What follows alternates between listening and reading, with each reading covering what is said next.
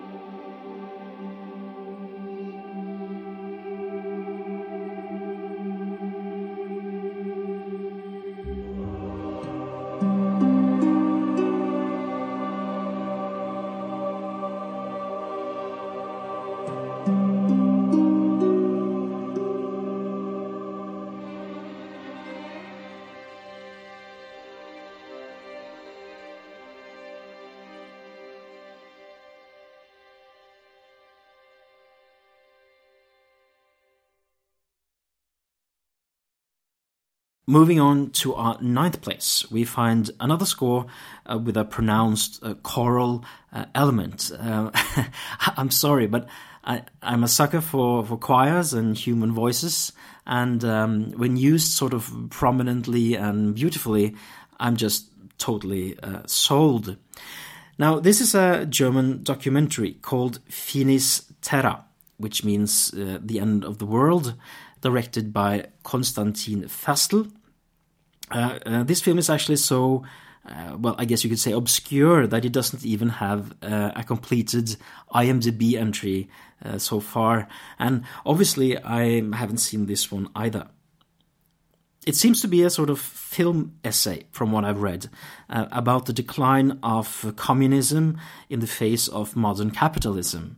Um, a, a, requiem of sorts, I guess you could say, as it sort of journeys through uh, more than 20 countries to describe um, this uh, political and social transition. Uh, but the score uh, in this case took me totally by surprise. Um, it's composed by a guy named Christoph Zirngibl.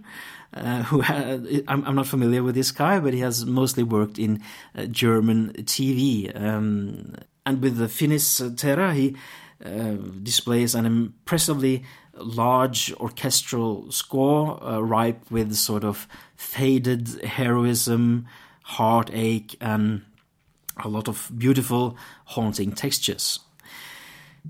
Now, um, if I were to guess, the choral element seems to reflect the uh, camaraderie of communism um, and our associations with famous communist anthems like uh, the International, for example. Now, this will probably go under the radar for most people, but it's really worth checking out whether you lean towards the left on the political scale uh, or not. So um, let's play the track Frozen Time.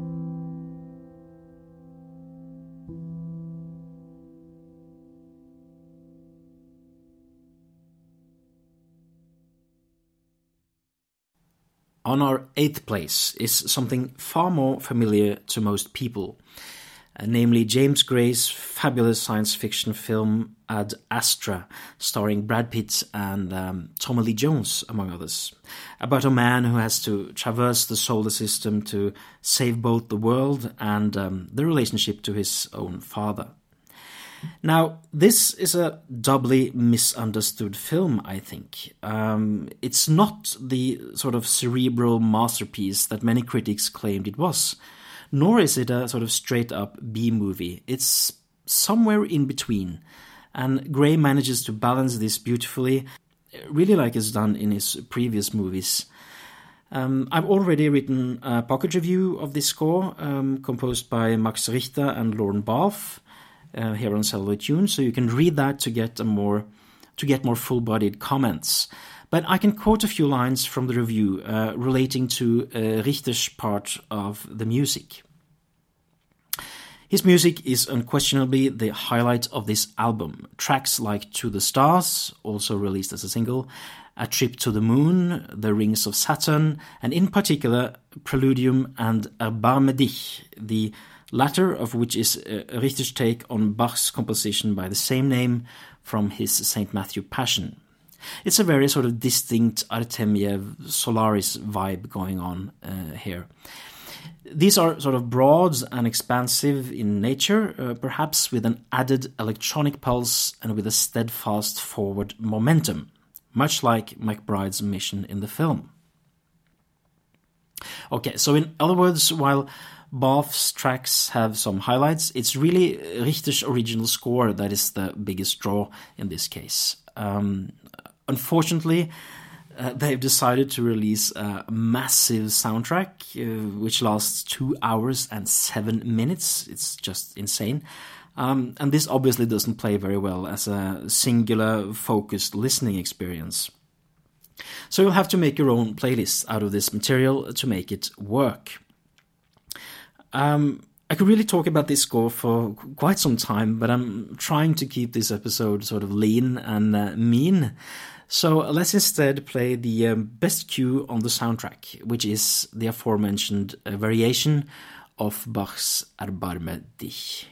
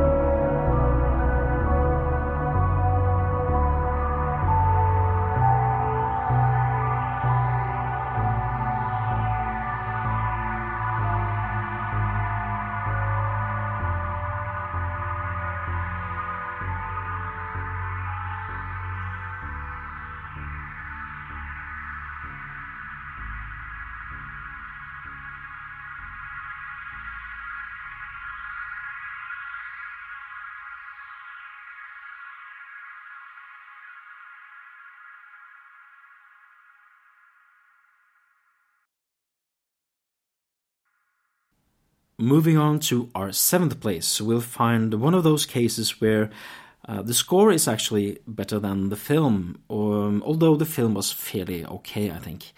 Um, and I'm talking about Tolkien, directed by the Finnish director Dome Karukoski, and with music by uh, none other than Thomas Newman. Uh, this is, of course, the biopic about um, uh, the Lord of the Rings creator, J.R.R. Tolkien, which sort of came and went uh, without much notice, despite the huge fan base of the uh, Lord of the Rings literature. And this is another one where I've uh, already written a pocket review. I mean, uh, biopics are uh, a tricky genre to get right, and it often feels a bit too safe. Um, but at least in this case, it gave Thomas Newman the chance to write a sort of gorgeous, classic Newman score. Uh, there are really no references to Shore's music for the films, other than the use of sort of a magical choir uh, here and there. It's really more um, a what's what of all the typical Newman tricks.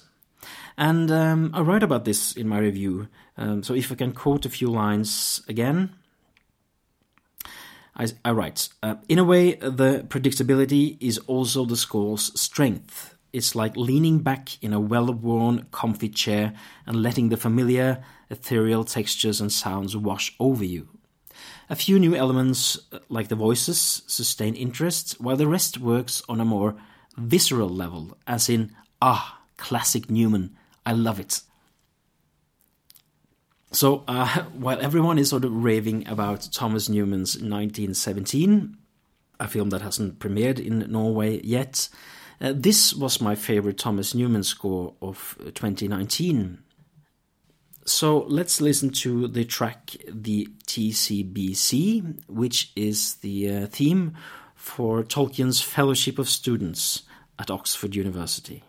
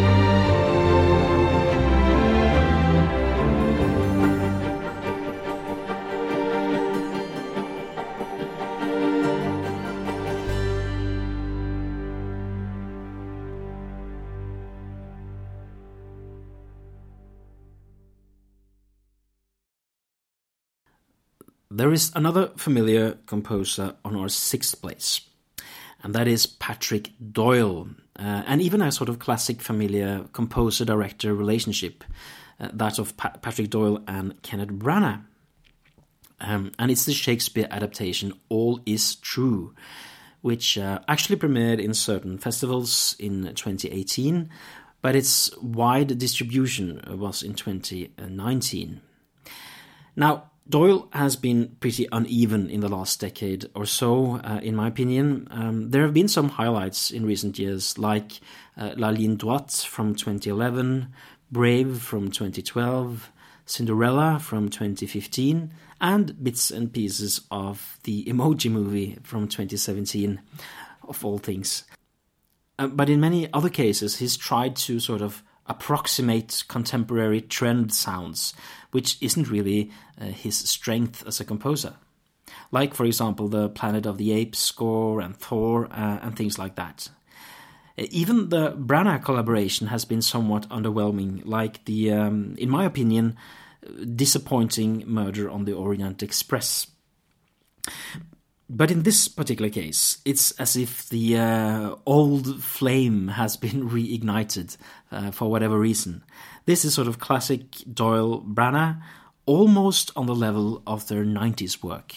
It's lush, it's romantic, uh, with a slight sense of melancholy, melancholic beauty in the thematic writing, with lots of airy uh, pianos and gorgeous string chord modulations, and so on. You, you all know the sound. Um, and of course with a trademark song to cap it all off, the sort of basis for the for the main theme of the film. Now, I haven't seen this one either, but I've listened to the soundtrack quite a few times over the last year uh, or so. So um, let's listen to the track The Visitation.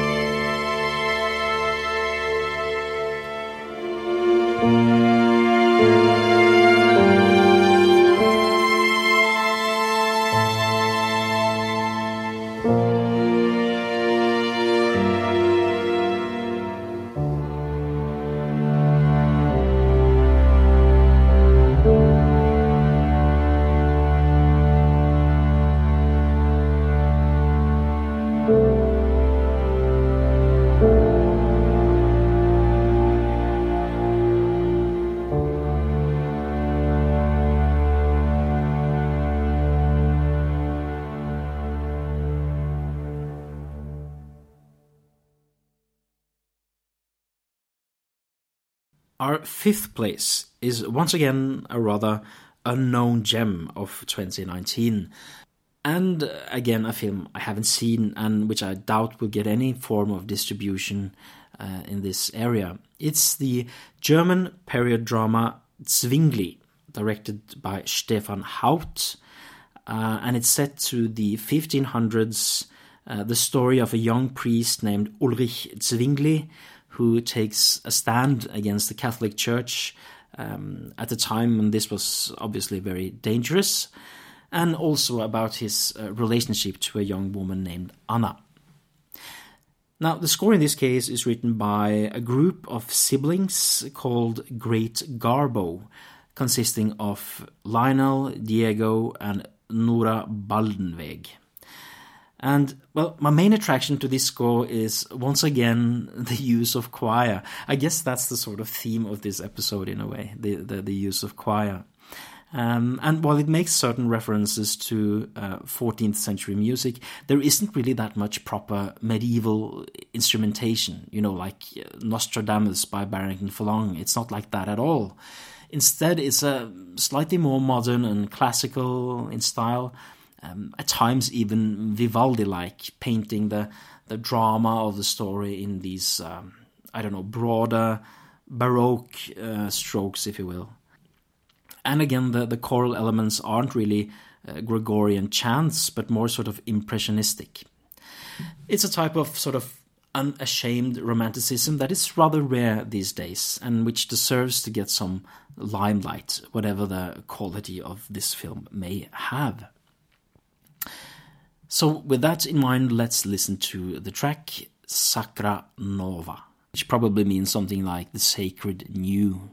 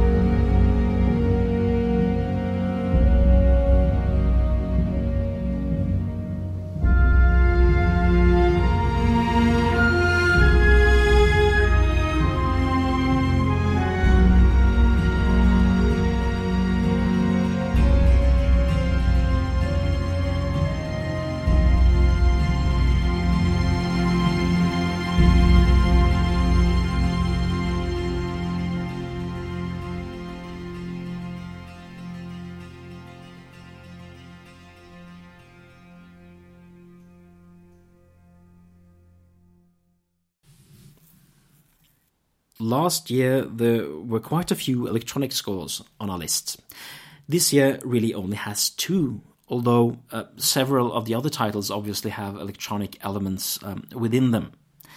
So, on our fourth place is one of these electronic scores, uh, namely Don't Come Back from the Moon, directed by Bruce Thierry Cheung and produced by uh, James Franco, who also stars in the film. And it's about a group of fathers who leave their families in a sort of impoverished uh, white trash society uh, somewhere in the American Midwest.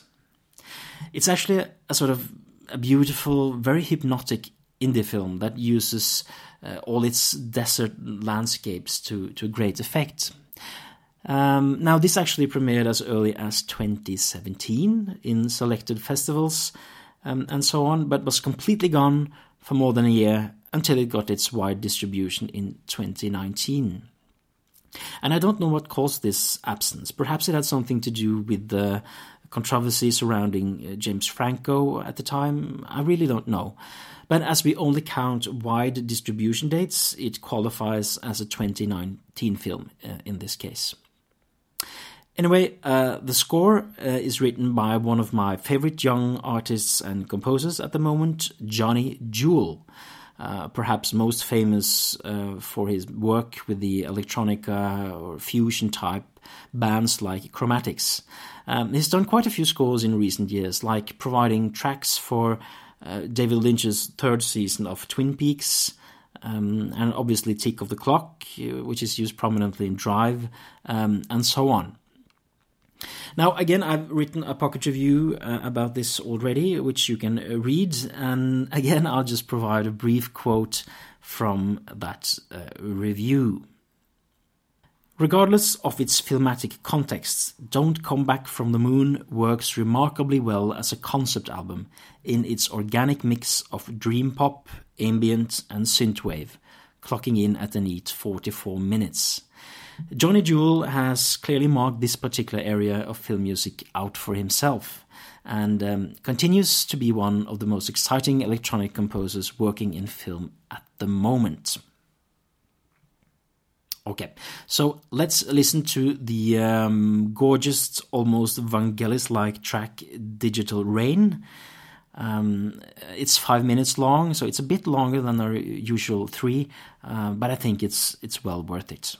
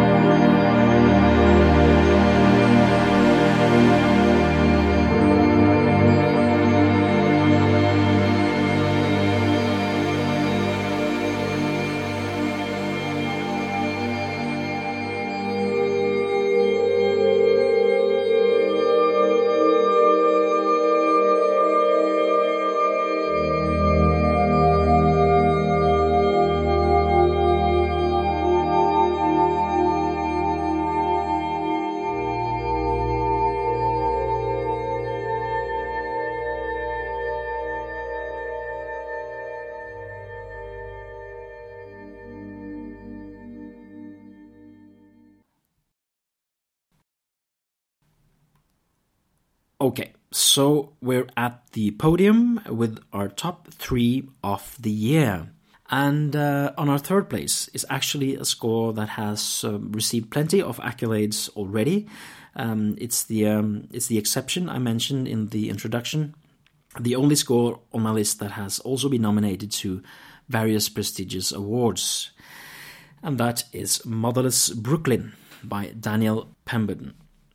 The film, uh, directed by Edward Norton, is set in the 50s and is about a private investigator trying to solve the murder of his mentor. I uh, haven't seen it um, as it doesn't yet have uh, a Norwegian distributor, as far as I know, um, but I've heard many good things about it, especially the sort of neo noir uh, look of the film. And the soundtrack by Daniel Pemberton, obviously, which which was a delightful surprise um, towards the end of, of, last year. This sort of beautiful uh, jazz fusion type score that uses elements like muted trumpets and brass clusters. Uh, that sort of remind me of Elliot Goldenthal in his jazz mode. Um, you know, scores like Golden Gates or, or even Heat to a certain extent. Um, it's sort of brooding, it's acidic, it's dark, it's slightly experimental. Um, and it's a challenging score at times. Um, but there are sort of tons and tons of interesting uh, layers going on here. Um, so once again, Daniel Pemberton displays his range as a composer. Uh, I was already impressed by his scores to Steve Jobs and Ocean's Eight and The Man from Uncle, uh, to mention some. Um, but this was sort of a, a new uh, type of sound from him. It's worth noting in this case that there are actually two uh, soundtrack albums, one with the various tracks by the likes of um, Wynton Marsalis and Thom Yorke and others, and then there's a score album by uh, Pemberton, which is the one we're talking about in this case. So let's play the track Penn Station, which also uses these weird, peculiar electronic distortions.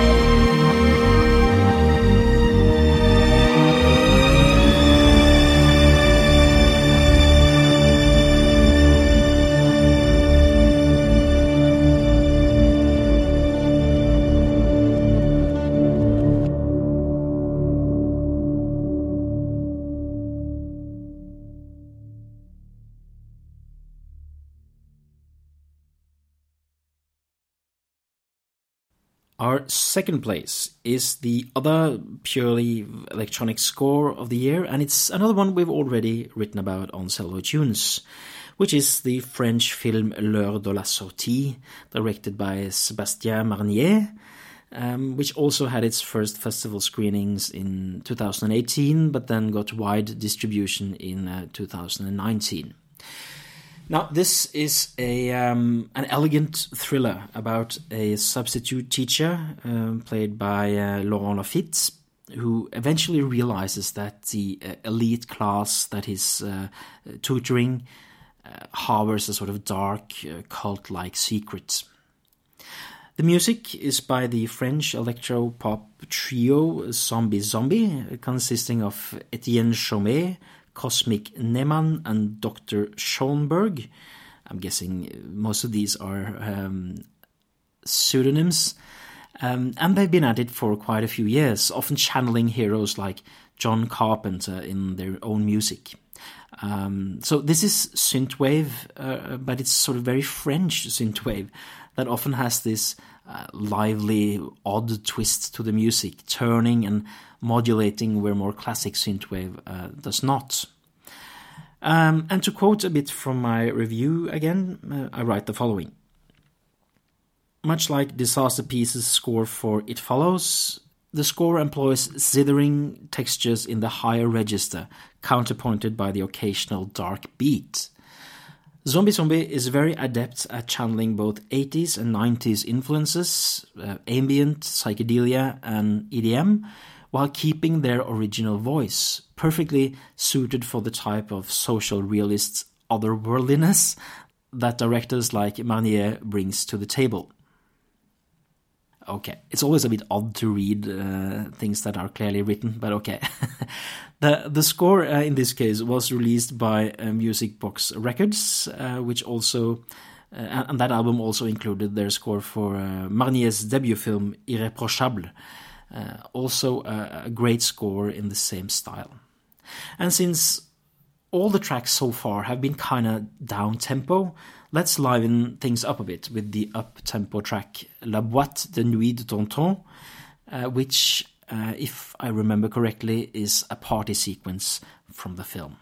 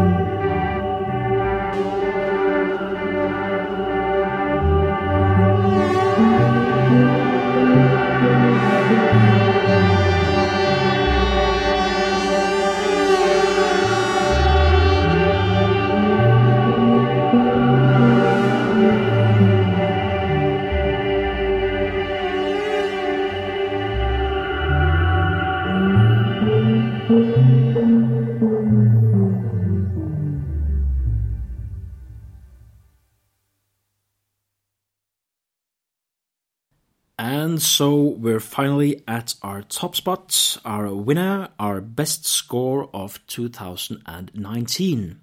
And uh, well, there was never any doubt really the moment I first heard a promo of this score. Um, it's Terrence Malick's terrific new film, A Hidden Life, with a score by James Newton Howard. Now, a Malick film is always an event. He's certainly upped his tempo in recent years, although the results have been kind of hit and miss. I mean, I love Tree of Life, Voyage of Time, and, well, partially To the Wonder, but I did not care for Knight of Cups and Song to Song, so it's sort of very uneven. Uh, for A Hidden Life, uh, which is a story about an Austrian farmer who sticks to his anti Hitler principles as he's drafted into the Nazi army during the World War II, it's very much Malick in top form, in my opinion. It's probably his most accessible and straightforward film since Days of Heaven. Um, and this, of course, to many is a drawback, but to me it was a strength. I prefer it when, when all of Malick's sort of complex ideas and all the spectacular visual set pieces, you know, like the, the trademark rustling of trees and leaves and straws and the soft caresses and the fluttering sunbeams and all that is sort of organically integrated into a conventional story. Uh, because that means that you have to search for them or, or let them be sort of reflective pauses rather than think too hard uh, about their significance. So, a great film, Malick in top form, uh, and now for the music.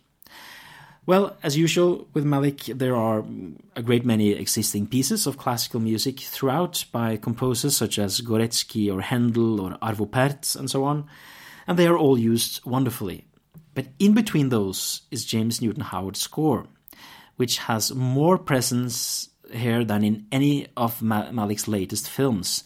Uh, we have to go back all the way to uh, The New World, I think, in 2005 to find a similar presence of, of original music um, with at that time with, with James Horner's music. So how is this thing? Well, James Newton Howard, like Patrick Doyle, has been uh, well rather hit and miss in the last decade and a half, in my opinion.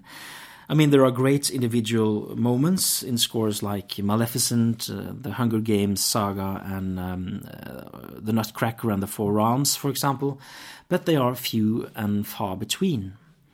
In my opinion, we have to go back all the way to The Village in 2005 to find the, the last James Newton Howard score that was consistently uh, good, very sort of fired on all cylinders. So it is then a pleasure to announce that A Hidden Life is a return to the quality of writing that defined The Village. Um, in fact, it's even stylistically similar and used uh, in a similar way in the film. Uh, it's slightly minimalistic with these gorgeous minor major chord modulations uh, with a slightly sort of uneasy uh, nostalgic quality uh, to them. Uh, just as in the in the Shyamalan movie, it once again sort of underlines the romantic notion of village life up in the Alps and the sort of dream of romanticism, while also sort of pointing to a darker destiny ahead of them. Now, this main theme is particularly heard in the beginning and end of the movie, but there are also other sort of more somber original cues scattered uh, throughout.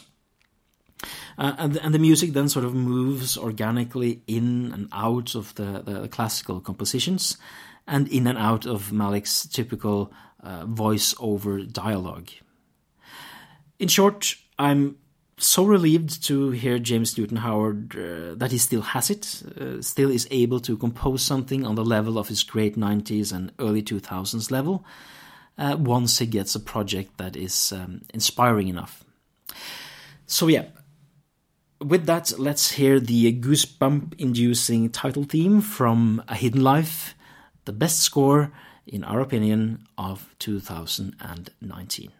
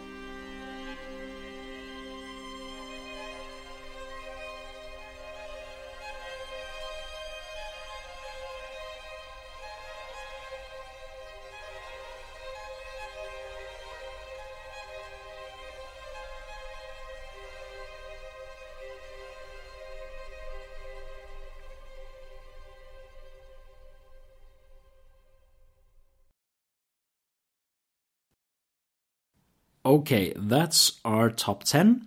Um, as usual, however, we have several runner ups that we have to mention.